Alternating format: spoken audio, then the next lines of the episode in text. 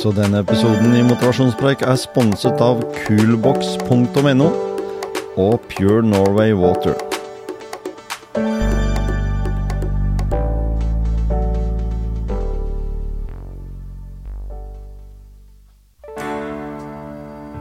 Da er vi tilbake med en ny episode i Motivasjonspreik, og tilbake i studio har jeg en gjest som eh, du nettopp ser på TV. Mayo Indran.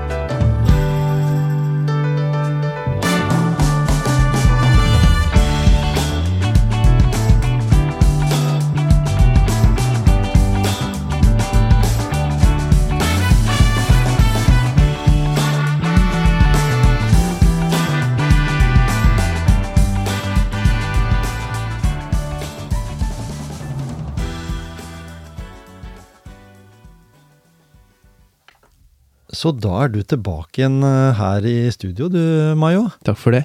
Eh, Du er jo med på Farmen nå. Det er jeg. Dette her er tirsdagsepisode i Motivasjonspreik. Mm. Eh, Vi skal ikke snakke om Farmen. Nei, Fordi, for det oppholdet var ikke så bra. Du fikk en, fikk en smell der, for å si det sånn. Men, Ja. men sånn kan det skje. Sånn kan skje selv den beste. Ja. Vi skal snakke litt om mobbing. Det har Mm. kommet nye tall nå som viser at eh, det er mye mobbing i norske skolen. Ja, og det har jo jeg alltid visst er. Eh, Jeg har jobbet på en skole i tolv år. Ikke Jeg har eh, stor erfaring, og jeg har jo gått 13 år på norsk skole selv. Men så når vi spoler tilbake, i hvert fall, så sier, vi, sier du i en podkast også med Espen Thoresen, i ADHD-podkast, at du var en mobber. Ja. Jeg em, Når jeg sier det, så tenker jeg fader, jeg kjenner deg jo. Eh, Ja, det er ikke meg du snakker om. det er ikke deg. Jo, det er, det er ikke meg hvem jeg er nå i dag, Nei. men det er hvem jeg var. Ja. Um, og jeg er ikke stolt av det, men jeg kan eie det. Ja. Jeg vil snakke om det. Du tør å snakke om det.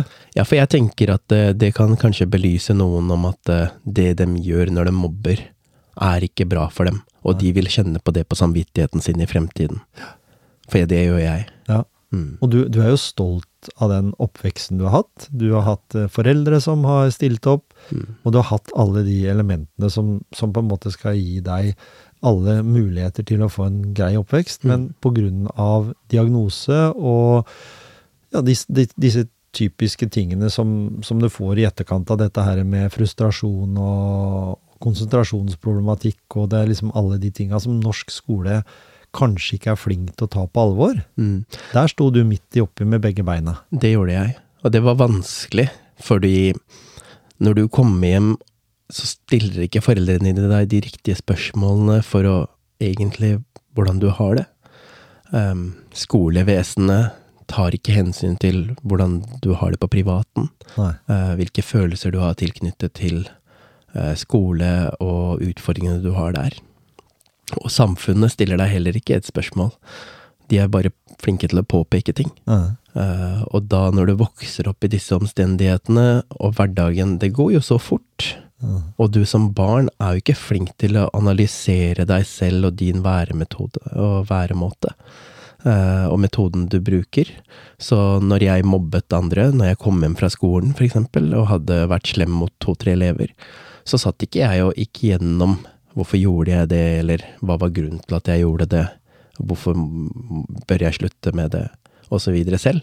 Det må du ha en voksen person som Mm. prater med deg om dette. Og det, de voksne menneskene hadde ikke jeg i hjemmet mitt. Nei. For de voksne hjemme hos meg var så opptatt av å tjene penger for at vi skulle ha mat på bordet og kunne leve i det norske samfunn. Men kunne det ha vært en kulturforskjell òg? Absolutt. Ja. Eh, Selv om det er nordmenn også som mobber, altså. Det er ikke det, Ja, men det, da har det noen elementer i tilstedeværelsen å gjøre, kanskje? Helt riktig. Ja. Jeg tror dersom jeg hadde hatt foreldre som hadde mm, hatt mer tid, og um, brukt mer tid på å sitte og snakke med meg, uh, og forstått mine utfordringer, så hadde jeg kanskje ikke gjort dette. Men jeg trengte å få utløp for noe, og for å dekke over problem, problemene mine, så var det veldig lett å angripe andre. Mm. Du kan- jo si det, da, at eh, foreldrene dine kom jo fra en del av verden der verken ADHD eller dysleksi fins. Eller Ja, det de- fins jo, men det Ja. tas ikke på samme måten som her. Ja, for jeg har jo skjønt at jeg har jo fått uh, dysleksien min fra mamma. Ja. Uh, for hun er analfabete. Uh, og jeg visste jo ikke dette her gjennom barndommen min. Eh, jeg, jeg tror ikke hun heller veit at jeg har det fra henne. Nei. Eh, jeg tok det opp i voksen alder, og da var det ikke greit å snakke om. For da var det sånn, da trykker du meg ned, og det skal du ikke gjøre, du skal vise respekt for mamma. Ja, ikke sant? Så det var ikke rom for at jeg skulle snakke med mamma om dette her. Nei. Mm. Jeg er nok eh, av den oppfatninga sjøl at jeg har nok mye av de tingene der fra min egen mor, med ADHD i hvert fall. For hun var en person med veldig svingende atferd. Eh, og, og, og den gangen, på, på den tida som hun vokste opp, i etterkrigsåra i Norge, så var det jo liksom ikke akseptert å være annerledes.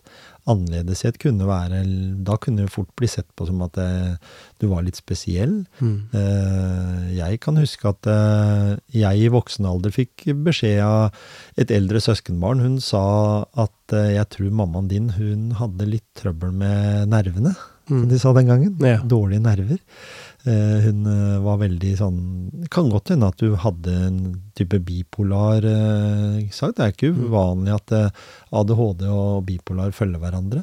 Sant? Eh, og det å være frustrert da du hadde to søsken som var veldig vellykka, Mm. til å være en attpåklatt og den som ikke blei på en måte tatt på samme måten, eh, som kanskje burde vært eh, tatt på, på en annen måte, da, gjorde at hun fikk en oppvekst som var annerledes. Mm.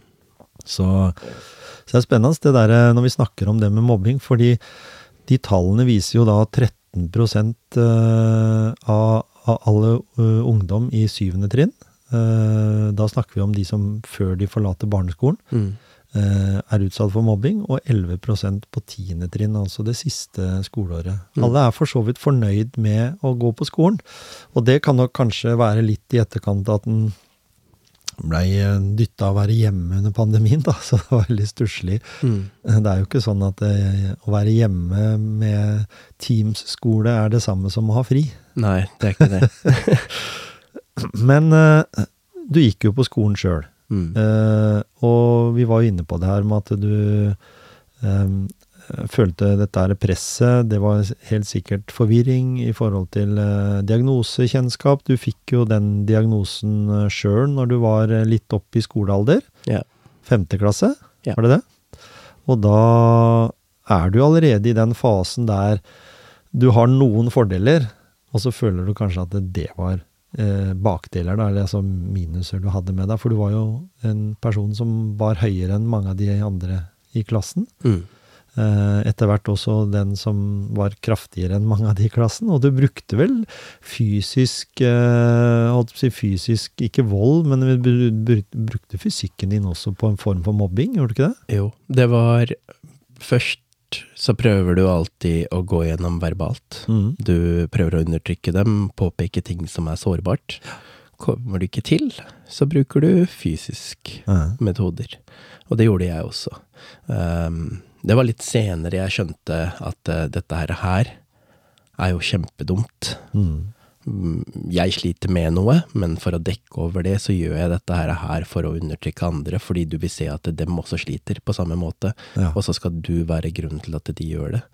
Eh, Det tok mange år før jeg aksepterte at jeg sliter med ting selv.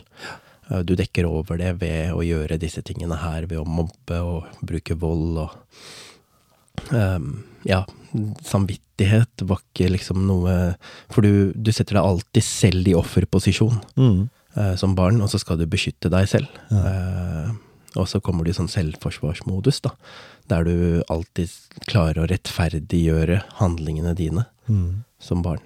For når du da kom hjem og du tenkte på disse situasjonene du hadde sjøl vært oppi, Mm. eh, følte du noe anger da? Når du var eh, så ung? For, for du, har jo, du kom jo til et hvite veiskille her som vi skal komme inn Ja. på, men, men eh, Eller var det bare sånn at du da måtte stå i en ny fight? Mm, Veldig ofte så var det en ny fight. Ja. Um, det var noen situasjoner eh, som gjorde at eh, jeg tenkte det var, tilfelle, det, var en, det var et tilfelle spesielt. Eh, Det var en jente som gikk i klassen vår, som Vi var flere som mobbet henne. Eh, For hun hadde mange dyr hjemme, så det luktet litt rart av henne, osv. Og, Mm. og hun fikk gjennomgå. Det var et punkt der henne sluttet i klassen vår og startet på en annen skole. For foreldrene var drittlei av å si ifra til skolen. Skolen tok ikke godt nok tak i det. De klarte ikke å gjøre noe med den situasjonen for at den situasjonen skulle endre seg.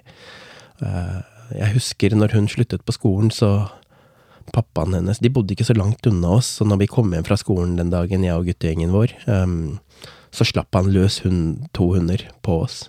Så vi løp fra de hundene.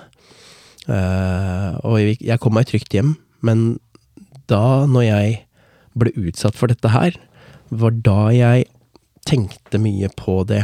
Hva var det som fikk dem til å gjøre dette her? her? Og da satte jeg meg i den situasjonen selv, og skjønte at det her, her er jo helt jævlig, det vi har utsatt henne for. Mm. Nå har henne sluttet på skolen, men fortsatt så føler foreldrene et sinne overfor oss, og sånne ting. Um, og det har sikkert preget henne i mange år etterpå. Mm. Um, og jeg angrer den dag i dag. Mm. Jeg, jeg får vondt av å tenke på hva vi har utsatt henne for. Og hvordan det kanskje har vært med på å forme henne til og med i voksenlivet. For jeg veit nå med sikkerhet at det, det man opplever av traumatiske handlinger så fra barndommen av, det setter også spor frem i voksenlivet. Ja, ikke sant? Mm. Tenker du da noen ganger på at eh, hun skulle jeg ha snakka med nå for å forklart at det ja, For hun kan jo se deg på TV. Kan du tenke at det, han der, han var ikke grei mot meg? Kanskje Jeg- enda sterkere ord enn det jeg bruker òg? Mye sterkere ord kan Ja. jeg tenke meg at hun bruker. Um, kanskje henne tenker at jeg er falsk. Han er ikke så grei som han virker å være på TV. Men hun skal vite at eh, den behandlingen jeg ga henne, er også mye av grunnen til at jeg har den personligheten og det synet jeg har på andre mennesker i dag. Mm. For hvordan jeg oppfører meg mot andre mennesker. Så hun har formet meg til å bli det mennesket jeg er i dag. Um, Men du, da kom du vel til et veiskille?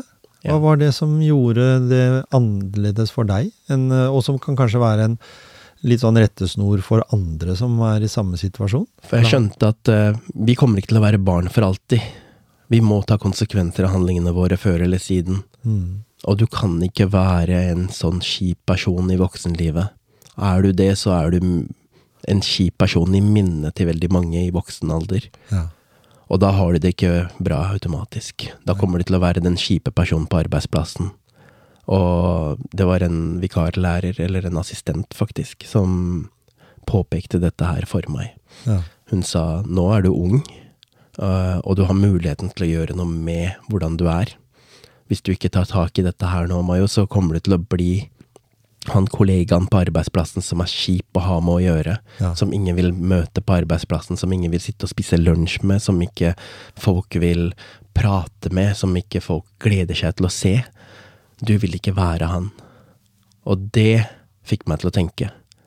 Det fikk meg til å tenke på at eh, jeg er faktisk en del av et miljø. Kanskje flere. Og i det miljøet, hvem vil jeg være? Hvem vil jeg være i tankene deres? Hvordan vil jeg at folk skal se på meg? Hva har jeg å bidra med for disse miljøene? Mm. Vil jeg bidra med å spre negativitet? Med å spre eh, vonde følelser? Til at de skal gå rundt og snakke negativt om meg? Mm. Og se på meg som en byrde? Som en plage å ha med å gjøre? Og det hjalp, den samtalen. Ja. Bare å sette det i perspektiv for å få meg til å se på ting fra et voksenperspektiv, da. Ja, for, for du kom jo da inn igjen i skolen etter, mm. som lærling Mm. inn innen IKT, og så kommer du jo tilbake igjen til en skole du sjøl har gått på òg. Mm. Det er mye motivasjon bak det, er at eh, jeg så på det For det første så skulle jeg få muligheten til å jobbe med lærere som var lærerne mine, Ja. som ikke klarte å sette preg på meg, men også så meg som udugelig. Ja. Som en som ikke fungerte i dette systemet som skolen er. Jeg ville jobbe med de, jeg ville vise til mestring. Eh, Jeg ville kjenne på mestringsfølelse, samtidig som jeg ville hjelpe dem. Og jeg ville være et eksempel for andre som er som meg som barn. Mm. Mm. Og når du da kommer inn i skolen der, så blir du etter hvert en rollemodell.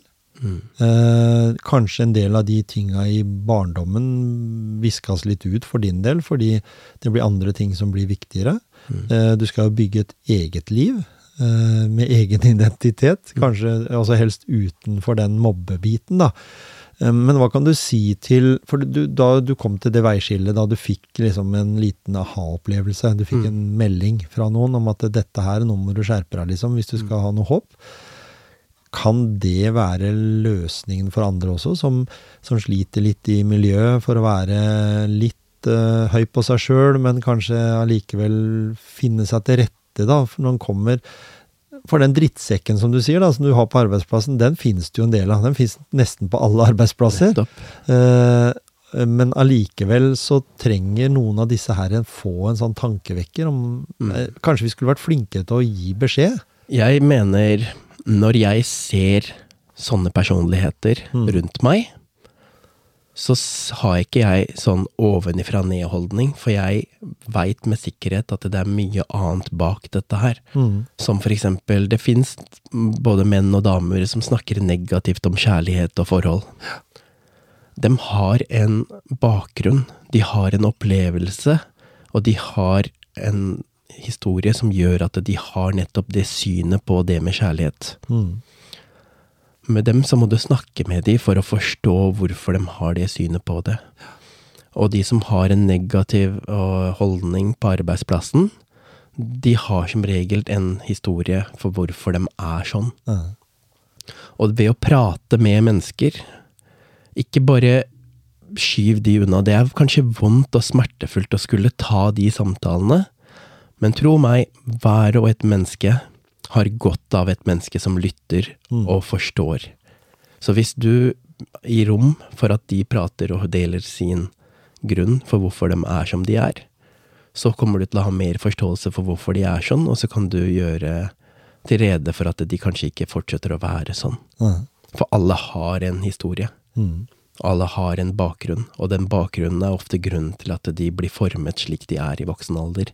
Jeg fikk heldigvis etterretning eh, og oppfølging til å ikke være sånn, av et menneske som viste at den bryr seg om meg, og så at jeg har også en annen side som er positiv, Mm. eh, og fikk muligheten til å endre meg. Og man må i, legge til rette for at alle får den muligheten, for jeg tror alle kan endre seg, Mm. men det handler om hvilke støttespillere den har rundt seg. Ikke sant? Mm. Men når- en da tenker at uh, Mayo i 2024 Mm.